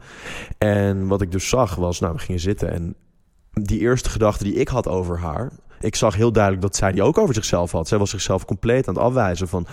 wow, wat, wat doe ik hier? Waar, oh, die jongen wil vast niet met mij. Uh, jezus, allemaal had veel leukere uh, mensen zijn hier. En, en ik, ik, de eerste, nou, ik zat dus proberen die oefening met haar te doen... maar de eerste 15 minuten zat zij helemaal in de zelfafwijzing. En iedereen wijst zichzelf wel af en iedereen moet daar uitgroeien op een gegeven moment. Maar het is heel pijnlijk om iemand van boven de 50 te zien die zichzelf nog zo hard afwijst. Want dan kun je er bijna van aan op gaan dat hij dus zijn hele leven lang is geweest, bezig is geweest met. Dat is zoveel pijn. Ik bedoel, kun je je voorstellen dat je gewoon de 50 voorbij gaat. Sorry dat ik lach, maar ja. ik zie nog steeds dat unisex pak. Maar ga door. ja, dat, dat, was ook echt, echt, een, uh, echt een feest. Um, maar ja, antifeestje dus. Uh, was echt geen grammetje los zat daarin in dat pakje. Maar, uh, maar dus dat je, dat je dus de 50 voorbij gaat en je bent jezelf nog steeds aan het afwijzen. Het, het, het mhm. leeuwendeel van je leven is al voorbij, je jeugd, je alles. En je bent jezelf aan het afwijzen. Ik vond het, ik vond het zo erg en ik herkende het natuurlijk. Want ik wijs me, ik heb me als gamer het afgewezen. Ik wijs mezelf ook nog steeds wel eens af. Maar het is een hele destructief iets om te doen. En ik zat daar dus te kijken naar iemand en te proberen me in te leven met haar te verbinden. Die dat alleen maar aan het doen was. En na een tijdje gebeurde het dat ze soort van nou, in haar uh, ja, weerstand soort van af en toe opkeek en dan terugkeek en zag van, maar die gast zit hier gewoon, hij probeert deze oefening echt met me te doen. En toen raapte ze, ja, ik, langzaam smolt ze een beetje in die oefening. En oké, dacht ze, oh, oké, oké. nou, we hadden oogcontact ineens. En ze, ze, ze van, oh, wow, oké, we doen het dus gewoon. Oké, dus begon zij ook te denken van, oké, we gaan dit gewoon samen doen. En toen waren we eigenlijk, uh, ja, gingen we ben je gewoon aan, naar elkaar aan het kijken en samen het ademhalen. Maar er gaat dan een heel universum gaat dan eigenlijk open. Want weet je, er zitten zoveel spiertjes in je gezicht die allemaal soort van informatie overdragen over hoe je voelt. En, en ja, ik, ik heb, zoals ik zei, best wel veel gekke ervaring in mijn leven gehad. Uh, na dat, uh, weet je, gekke ayahuasca-ceremonies, mushrooms, noem maar, op, feestjes. Uh, en ik heb nog nooit zo'n hoge ervaring gehad als die ik toen met haar had. Gewoon echt niks kwam in de buurt. het was echt, we vlogen gewoon echt een heel ander. Het was alsof we ook, ja, weet je, een soort van andere realiteit ook invlogen. Dat je de kosmos in werden geschoten. Want weet je, ja, we, je ziet elkaar ineens echt. En haar zelfafwijzing viel weg. En er kwam zoveel energie vrij. En ze, en ze zag van, wow, oké, we doen het. We kijken gewoon naar elkaar. En, we begonnen elkaar een beetje te voelen. En, en het was een beetje dat soort van, nou, wat je dan in die spirituele hoekjes, dat het post, uh, ja, uh, postconceptuele, dat je het niet... Ik voelde er wel zo van, ja, dat is hoe oude vrouw voelt. En, maar het zat geen oordeel bij verder of zo. Het was gewoon, ja, dit klopt. Dit is hoe oude vrouw voelt. Dit is hoe haar huid voelt. En ik, nou, ik rook er kruin, want na een tijdje zaten we helemaal elkaar verstrengeld als een soort van, nou, zoals je in zo'n uh, cheesy tantra plaatjes ziet. Heel raar eigenlijk. We waren echt bezig alsof we gewoon twee tieners waren die uh, en ademend en wel in, in een soort van, maar op een soort van explorerende manier, maar heel, heel apart om dat te doen. En um, en, en, toen rook ik er en ik dacht van ja, dit is inderdaad hoe oude, oudere vrouw ruikt. En, maar, maar heel verbonden, want je bent zo bezig met, weet je, niet met taal, maar gewoon met soort van je communiceert vet veel zonder taal. En die wordt niet eens heel bewust van al die communicatie en bij elkaar. En ja, het was, we werden echt een beetje de kosmos ingeschoten. En het stopte ook pas toen ik ineens heel hard aan mijn schouder werd getrokken. En ik schrok een beetje ineens, want ik keek naar de leraar en, en om me heen en om iedereen was al lang weer terug naar de kant gegaan. Wij zaten daar met z'n twee helemaal verstrengeld in het midden en iedereen keek ons echt aan van wat de fuck is daar aan de hand. en, die leraar die trok me apart en die zei ook meteen van, heb jij drugs gebruikt? En ik, ik, ik was zo soort van ja, ik, ik, ik, was zo soort van op zo'n hoge. Ik was zo je bent zo met je bewustzijn steeds dan bezig. Ik was, het was heel helder. Dus ik snapte meteen van, oh natuurlijk denkt ze dat. En, huh. Dus ik zei tegen haar, nee, dank je, dank je, dank je. Ik heb echt iets heel belangrijks geleerd in, in deze tantra-workshop. Namelijk... Um, ik, ik, wilde niks van deze vrouw eigenlijk. Zeg maar, als wij de laatste twee mensen op aarde waren geweest, dan was de mensheid gewoon opgehouden. Weet je, dit was hem niet geworden. En uh, had ik met een van die hele mooie Portugese meisjes uh, dit gedaan, dan had ik misschien allemaal dingen gedacht van, oh, uh, tijdens de oefening, ah, misschien kan ik wel, kunnen maar mijn tent, jouw tent, ergens nog. weet je, was dat deel van mijn geest er ook bijgekomen. En met die vrouw was dat helemaal niet zo. Ik wilde niks van haar.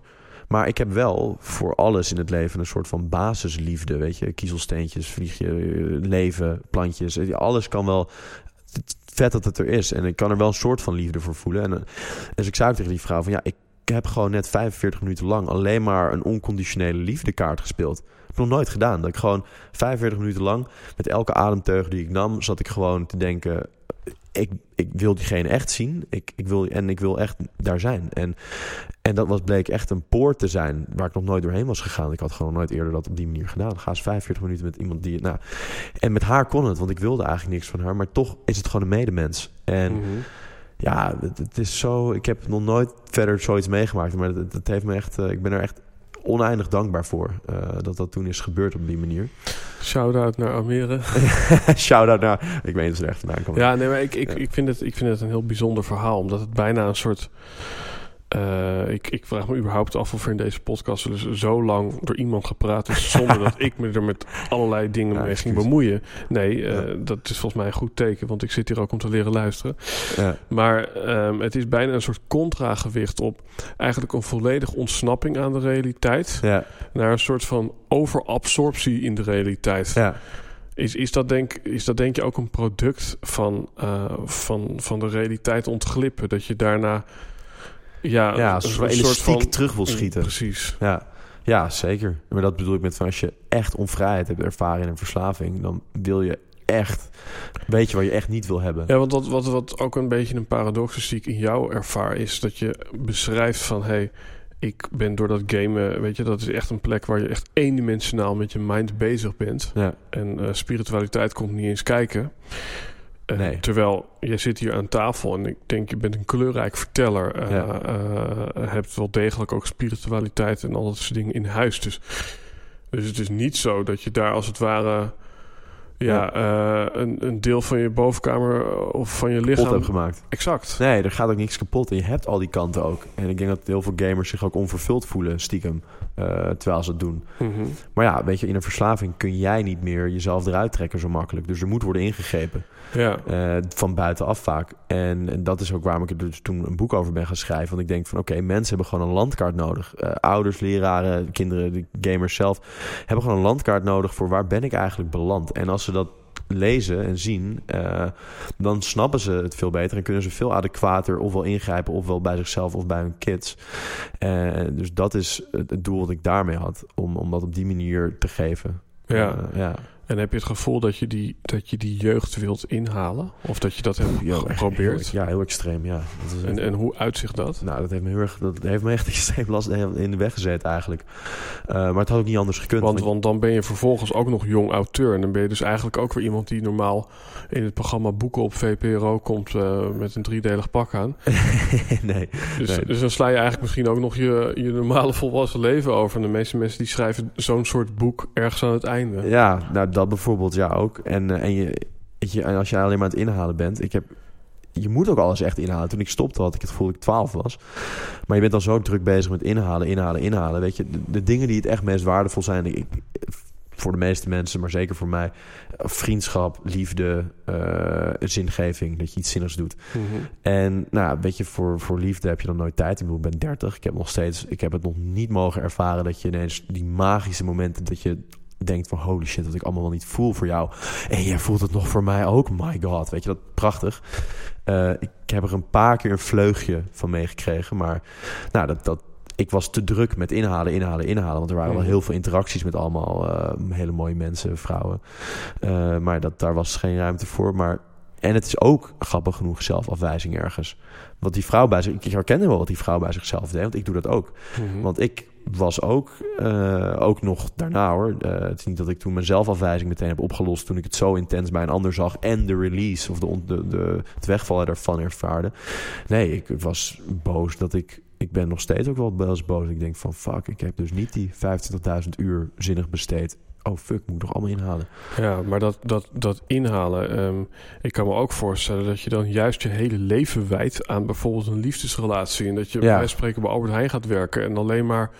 Ja, dat, dat werkt natuurlijk niet. Nee, de, de balans is nodig. Dus, dus, dus ik ben nog een beetje op zoek naar de, de uiting van de inhaalslag. Het Ja. is dus niet een extreem intense relatie. Het is ook niet. Nee, het is balans. Het is echt, eh, want je, kijk, uiteindelijk ben je niet één ding. En in een, in een verslaving, dan heeft er ineens één kant van jou heeft helemaal de roer overgenomen. Maar ook in een hele intense relatie kan ineens dus één kant van jou te veel het roer overnemen. En ik geloof heel erg in wat je zei van, ah, maar blijkbaar zit je hier, heb je nog steeds al die dingen wel ontwikkeld. Dus het is niet echt kapot gegaan allemaal. Nee, klopt. Want ieder mens heeft al die vermogens in zich. Weet je, je Mhm. hebt een vermogen tot, eh, tot inleving in een ander en tot compassie, maar ook in, tot competitie en, en tot zelfs tot eh, vreselijke schade aan anderen. Tot aan, aan een, weet je, er leeft ook een kleine natie in je. En eh, het hele instrumentarium hebben we allemaal. Maar hoe je het hoe het zich ontwikkelt. En dan komen we weer bij dat je geest, als we onze geesten zouden projecteren, zou die er heel anders uitzien dan onze, onze lichamen lijken op elkaar, maar geesten niet.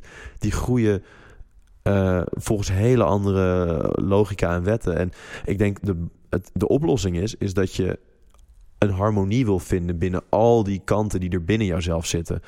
Maar daarvoor is het wel nodig dat je dus ook echt naar die kanten gaat kijken. En verslaving, verslaving is wegkijken. Ja. En, uh, En, en, het, en, en, en het kijken, dat is natuurlijk is zo'n tantra. Dat is echt een hele mooie soort van ja, dat, incarnatie van, van, van, van leren kijken. ja, dat is ook heel letterlijk kijken. Dat is eigenlijk heel, de, de basisoefening is gewoon kijken en Ja. ademhalen en bewustzijn. En het, is, het klinkt heel maar- maar die- cheesy, maar het, is, het werkt echt als een, als een ja, een motherfucker. En, en de harmonie, hè, waar je het al over hebt, is het, Ja. is, betekent harmonie dat je eh, de acceptatie moet vinden in je eigen disbalans? Of betekent het het repareren van jezelf, zodat je eh, eh, ja, eh, misschien met een stukje overcompensatie toch weer in het midden uitkomt van iemand van 30, zoals die op papier zou horen te zijn? Ja, ik denk uiteindelijk meer in dat eerste. Maar je zal ook het tweede sowieso gaan doen. Eh, je, je kan niet van, ja, van eh, nog helemaal in de knoop in één keer naar een, een, een hele mooie egale touw of zo. Je kan, je kan niet in één keer uit de knoop springen. Ja. Want, want, want, want wat ik ook vaak in deze podcast eh, aanhaal is een quote van mijn zusje: Gave is ook je grootste opgave. ja, ja, Ehm, want ik kan me ook voorstellen, eh, je ziet wel eens mensen die hebben een burn-out gehad. ja, En om dat voor zichzelf te plaatsen, worden ze een aantal jaar coach. daarop volgend burn-out coach. Maar op een gegeven moment sluit ze dat hoofdstuk ook weer af. ja, Omdat het dan als het ware het zelfhelingsproces heeft plaatsgevonden. De interesse neemt Ja. een beetje af. Eh, is het bij jou zo dat je denkt van... ik ga die soort van eh, gesimuleerde wereld en de technologie... dat blijft mijn soort van zingevingsstuk om, Mhm. om de maatschappij in te ondersteunen? Of denk je, nou, nog twee jaar en dan word ik gewoon eh, bakker, want ik heb al de, he- de hele tijd eh, iets wil- met brood gehad. Ja, ja nee. nou, ik, ik, ik blijf hier nog wel, nog wel een tijdje hier echt veel geluid op maken. Ehm, en het is ook iets wat alleen maar, dus het zal alleen maar groeien. Want weet je, eh, de techbedrijven, de gaming-industrie is de grootste entertainment-industrie by far ter wereld. Met ook de hoogste groeicijfers. Dus die golf waar we nu met z'n allen in zitten, eh, neemt alleen maar toe. Dus eh, de behoefte aan juiste tools en begeleiding daarin neemt ook alleen maar toe. En ik, ik heb iets meegemaakt wat, nou, ik heb echt een, weet je, een, een beerput meegemaakt in mezelf die nu ineens een goudmijn kan worden voor anderen. Dus ja, zoals je zegt, dat is een, een gave en een opgave daarmee. Eh, mooi is dat. Dankjewel, zus. Ehm, maar dus ik, ik ga er wel mee door. Maar het is inderdaad wel zo dat ik het wel uiteindelijk al in, in een aantal jaar tijd wel langzaam wil gaan afbouwen naar niet fulltime. Eh, want Voor je het weet is dit weer een verslaving. Ja. ja, dat. En, en, en dan, ben ik, dan is mijn leven echt helemaal overgenomen door games. Maar eerst als Ja. verslaafde, toen als onderzoeker en daarna Ja. als boekschrijver. ja. En, en nu public speaker en coach al af en toe. En, maar dan ben je er, alles staat er in het teken daarvan. En dat is nu nog heel waardevol. Maar klopt, ik ben denk ik wel als ik, nou weet je, als ik, ik wil ook alsnog wel weer gruwelijk eh, op mijn gitaar weer meer gaan spelen. En, eh, Ja. en Heb, je, soort- heb je wel eens op permanent beta gestaan? Ken je dat? Permanent, be- nee, permanent beta? Permanent. Permanent. Oh, permanent beta, nee. Ehm, er zit ook een permanent volgens mij, maar goed. Nee, anyhow. ehm, de- de- Martijn Aslander heeft Ja. een keer in deze podcast aan tafel gezeten. Het is een festival over technologie en innovatie. Oh, waar ze ook vaak public speakers zoeken. Zit hier tegenover in de gang. Ik kan je zo koppelen. Oh, leuk. En dat is volgens mij om en nabij nu dat er eh, eh, ja, weer een permanent beta festival is in Nijmegen, geloof ik. Nou, dus daar kan je je zeepkistje pakken. Dank je, leuk. Dat, eh, graag. Normaal eh, ehm, ja, zou ik, eh, want we zitten echt al eh, Goed flink eh, lang met elkaar in conversatie. Normaal zou ik vaak een afsluitende vraag stellen en dat zou zijn... ehm, weet je wat, de- normale vraag is: stel dat mensen in de auto zitten, tuffen voorbij een bord in de file. En wat staat er op dat bord? Oh ja. Ik wil hem voor jou verplaatsen naar de virtuele De wereld. wereld, ja, ja. Dus er staat een bord in Call of Duty, in Fortnite En of in World Warcraft. ja. Waarop je één boodschap mag meegeven aan alle gamers. En welke one-liner zou je dan, of welk Oh confronterend of inspirerend inzicht zou je ze willen meegeven? Uh, ah, hoe, hoe, hoe groot acht je de kans hier liefde en vriendschap voor altijd te vinden? Ja, wat een. Maar dan met, maar dan met, eh, meer, eh, met meer passie en lol. Eh, zeg maar, maar die zin, maar dan met, met een smiley in plaats van met een soort van zoekende zoiets. toon. Ja. Mooi. Ja.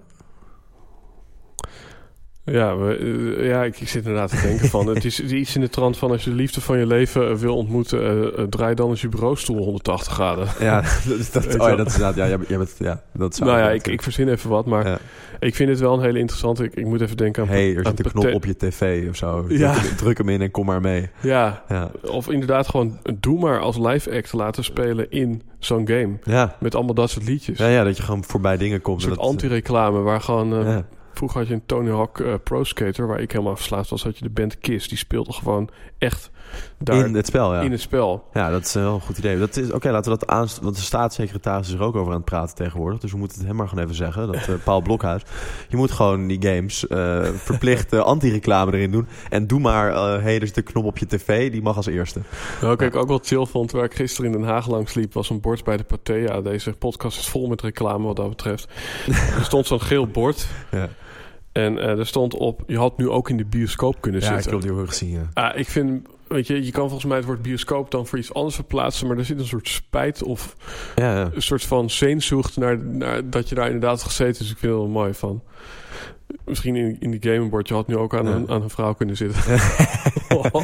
Ja, ja, je had nu ook een echt... eh, ja, je had ze nu niet hoeven neerschieten. Je had ze nu ook met iets anders kunnen neersabelen. ja. Of is dat een beetje te... Ja, goed. ja, dat gaat er dan ook vanuit dat het alleen maar mannen zijn, terwijl Het is, ja, het is 70% vaak... is vrouw. Ja, behalve dat, dat zijn dus gewoon de mensen die games, gamen. En degene die verslaafd is, maar een fractie daar vaak van. Maar het kan toch zomaar oplopen tot Ja.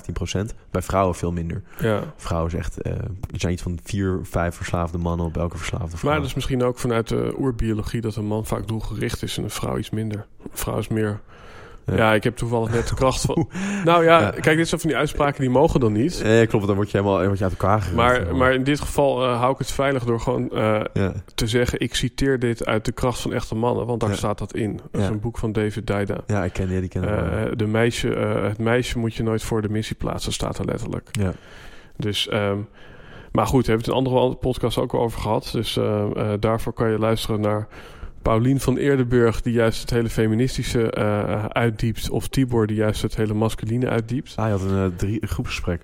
Nee, dat zijn twee aparte podcasts die naar elkaar kwamen. Die eigenlijk een soort van contragewicht geven op, op, op hetzelfde thema. Leuk. Uh, wij kunnen nog lang doorpraten, beste Michiel. dat gaan we misschien ook doen, maar dan is de recordknop inmiddels uit. Dus de luisteraar die mag dan visualiseren of proberen te bedenken waar het over zou gaan. Ja. Is er nu in het bijzonder één plek waar je mensen naar wil verwijzen? Naar je boek of naar een website? Of... Uh, nou, het boek heet... Uh, Voeg me even toe, Warcraft Voeg is... mijn naam is Midway in... In ja, nee. Um, ja, ik heb dus het, boek heet uh, Game Boy. Het is bij Atlas Contact. Uh, en dat is ook gewoon bol.com prima te vinden. En ook via de uitgever zelf. Uh, ik heb een stichting die heet New Game. En de website is ik heb vergeten te betalen na een jaar. Dus die is even uit de lucht. Maar die komt weer de lucht in uh, binnenkort. Um, dat is gewoon uh, www.nieuw-game.nl. Of uh, nou, als, die, als die nog beschikbaar is dus. En ik heb, wil zelfhulpgroepen in Amsterdam voor gamers dus gaan beginnen. Dus daar ben ik in november, december wil ik die eigenlijk gaan starten. En dan wil ik dus gewoon, ja, echt, echt, dat is gewoon vrijblijvend. Dat kun je gewoon, dat zijn gewoon wekelijks bij elkaar komen. En dat gewoon uh, voor, voor het goede, niet voor gewoon, uh, ja, gewoon gratis. En daar wil je een beetje aan de 12 stappen zeg maar, bij elkaar komen en uh, gamers helpen. dat kun je vinden op Facebook ook gewoon New Game. dus dan kun je in die groep. Um, of je kan gewoon mij contacteren. Uh, je vindt mijn gegevens vast wel ergens. En, uh, maar het is jammer dat die website even uit de lucht is. Dat maakt het net iets listiger. Nou ja, uh, deze aflevering staat uh, uh, wellicht uh, online op het moment dat het ook weer online staat. In dat geval, beste luisteraar, kijk in de show notes van deze podcast. Er staan alle links in die we zojuist hebben besproken. Jee. Met de hashtag Helden en Hordes op Twitter, Insta, YouTube en Facebook kan je meepraten over deze aflevering. je mag hem ook ja, toevoegen aan Fortnite als je daar hashtags hebt. Ik weet het eigenlijk niet eens om daar uh, mee te praten over deze aflevering. Dat kan trouwens volgens mij wel goed gecombineerd. Een podcast luisteren tijdens het gamen. Ja. Misschien een soort gamecast. Ja, als je wordt doodgeschoten, dan kun je gewoon, gaat automatisch je podcast weer verder. Ja. Dat is wel chill, dat je gewoon... Uh, ja, dat ben je wel nut als ik ging altijd opdrukken. In die tijd je nog geen podcast. Dus als ik allemaal dood was, dan ging ik gewoon opdrukken en zitten en zo. Ja, dat hebben we wel gered. Ja. ja. Tof. Oké. Okay. Dus uh, thanks for this one. Uh, voor de luisteraar, tot de volgende aflevering. En how do? How do?